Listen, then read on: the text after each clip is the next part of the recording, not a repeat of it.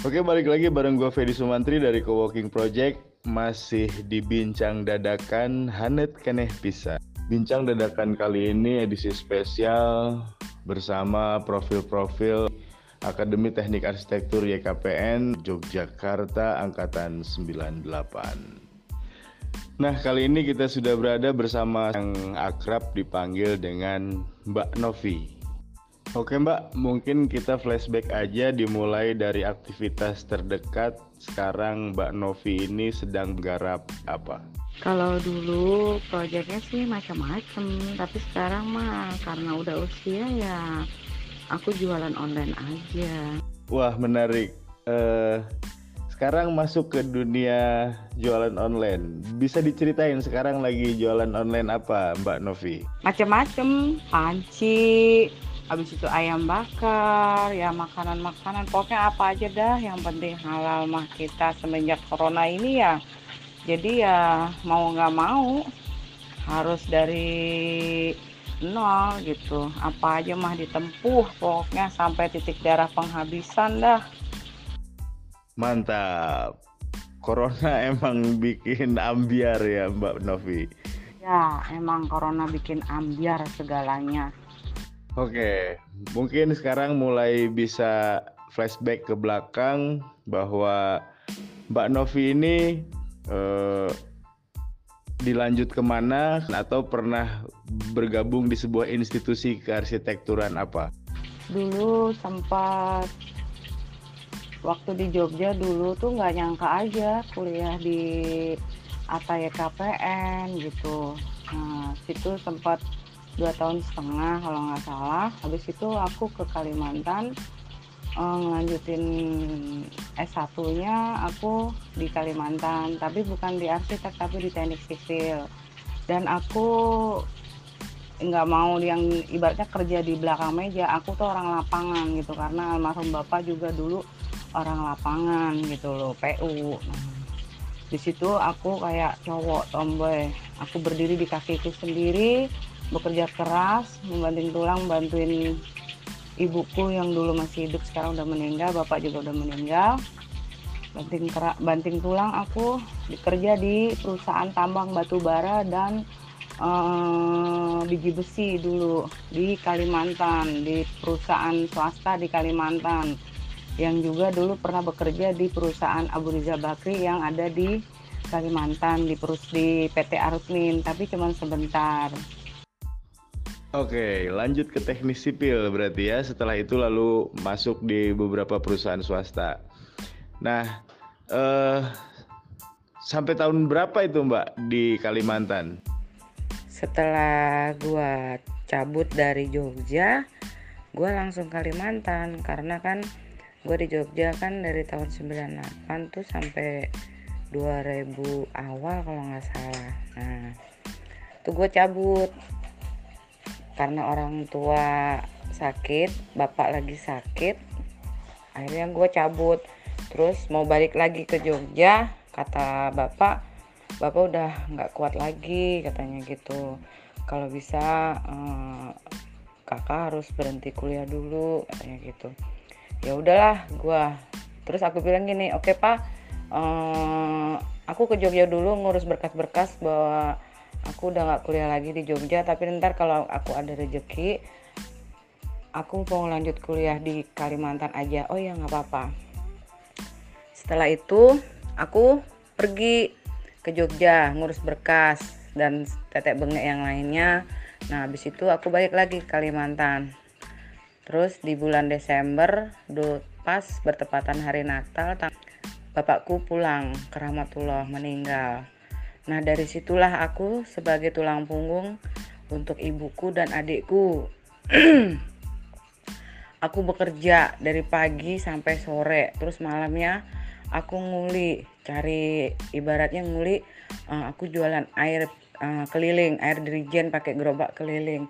Yang namanya aku tulang punggung, jadi aku ibaratnya kan untuk membiayai hidup aku sama adikku sama ibuku. Abangku melalang buana nggak kembali-kembali. Setelah kembalinya di tahun 2005 nah, baru datang abangku. Aku kerja kerja itu sambil kuliah. Untungnya aku ada dapat beasiswa lagi.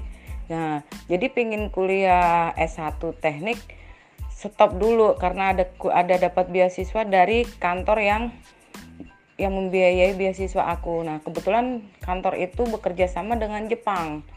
Waktu itu kalau nggak salah di program pemberdayaan masyarakat dan perempuan lah kalau salah uh, dulu kesos dulu kesejahteraan sosial. Nah di bidang uh, pemberdayaan, jadi di bidang CRD dulu kalau nggak salah. Nah aku dapat beasiswa di situ selama satu tahun. Aku kuliah sambil kerja. Habis itu uh, di tahun 2005 aku nikah. Uh, uh, 2005 iya aku nikah awal Januari 2005 aku nikah, akhir Januari Oktober anakku lahir yang pertama. Habis itu setelah nikah aku kerja lagi karena aku merasa aku ada tanggung jawab. Aku membiayai menafkahi adik dan ibuku juga anakku. Nah selama itu aku jadi proses persidangan. Aku cerai sama suami per pertama. Nah, dan akhirnya kuliah sambil kerja kuliah sambil kerja. Pokoknya selesai kerja langsung kuliah selesai kerja langsung kuliah. Pokoknya kalau misalkan ada duit kuliah. Kalau nggak ada duit stop. Terus ibuku mikir e, ya udahlah. Kamu kasihan kerja. Ya udah bu. Nggak apa-apa. Aku ibaratnya kalau misalnya aku berhenti dari dinas instansi itu aku berhenti aku kerja di tambang aja bu. Karena gaji di instansi kecil. Kamu sanggup. Ya udah aku sanggup bu ternyata aku kerja di tambang batu bara nah di suatu kabupaten di situ aku keterima sebagai HRD karena ngelihat gelarku mungkin keterima sebagai HRD dan uh, ibaratnya aku dika dikasih kepercayaan sama bos untuk memantau alat berat yang disewa oleh perusahaan-perusahaan lain. Kebetulan kan uh, perusahaan kami menyewakan alat berat gitu. Udah aku pantau dari semua perusahaan. Alhamdulillah. Nah, habis dari situ aku berhenti berhenti kerja karena ibu lagi sakit-sakitan.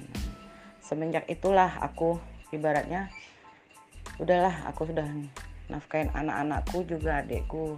Terus akhirnya ya sampai ke sini aku gitu loh. Ya dibawa sama keluargaku. Ya ternyata kak keluarga dari pihak ibu seperti itu. Semenjak ibu meninggal bapak meninggal kedua sayapku hilang aku nggak bisa terbang tinggi akhirnya apa? Ya sekarang aku serabutan kerja dari awal segala macem. Aku nggak nggak malu walaupun ijazahku S1 aku nggak malu gitu loh. Aku mengerjakan sesuatu hal. Yang penting aku halal kerjaku. Mau jadi pembantu nguli nyupirin orang ibaratnya jadi supir. Terus mau apa aja aku mau. Yang penting aku menghasilkan uang untuk nafkah aku sehari-hari karena aku merasa jadi single parent. Karena kebutuhan banyak akhirnya aku pulang ke Kalimantan kemarin tahun kemarin ngantar anakku karena anakku bilang mau ikut kakek dan bapaknya. Ya udah aku izinin jadi sekarang aku tinggal berdua sama anakku yang kecil si Sinta. Dan ya di kaliku kehidupan aku mungkin sampai sekarang ini mungkin lebih pahit aku daripada teman-teman yang lain gitu aku bukannya nggak mau gunain manfaatin ilmu aku selama aku kuliah. Cuman kayaknya aku di sini sendiri gitu loh. Aku nggak punya siapa-siapa. Di sini pun aku mengontrak suatu rumah kecil bedakan tiga petak. Itu pun ya kembang kempis.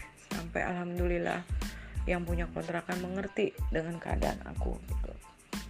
Sampai ya alhamdulillah lah kebantulah gitu loh. Aku minta tolong begini ditolongin gitu. Kadang aku malu juga kenapa aku selalu minta tolong sama orang? Karena aku sendiri gitu.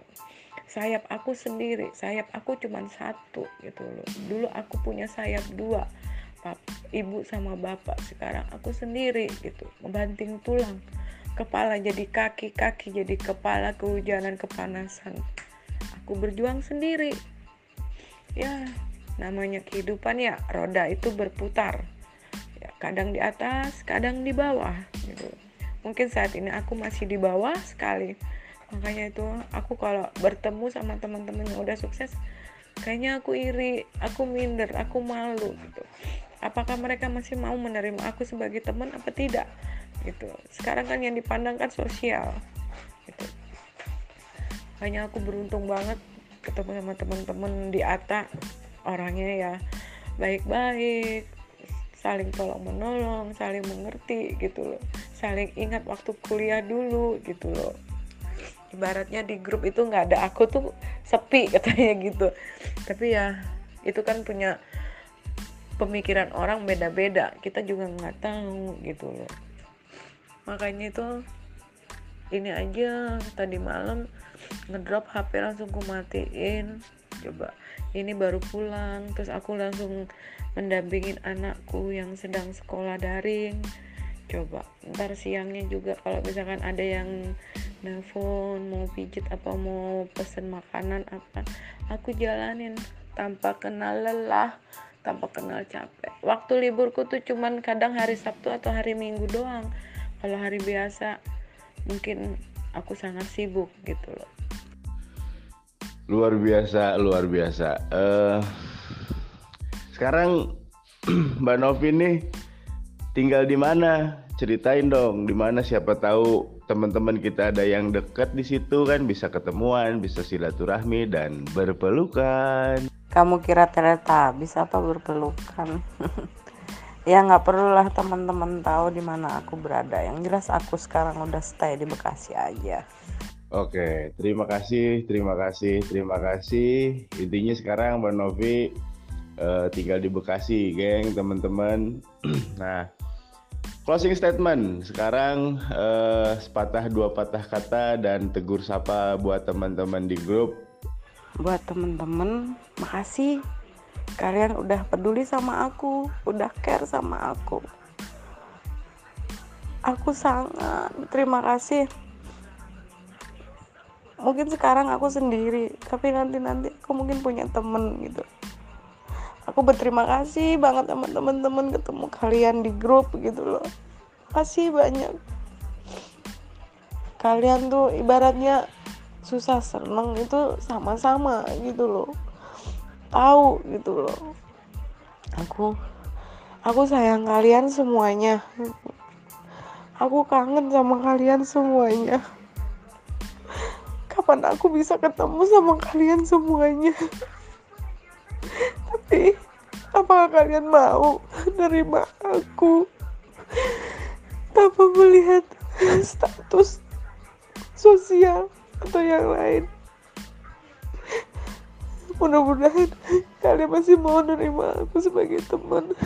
Tanpa melihat keadaan status tapi kalau kalian gak mau ketemu sama aku juga gak apa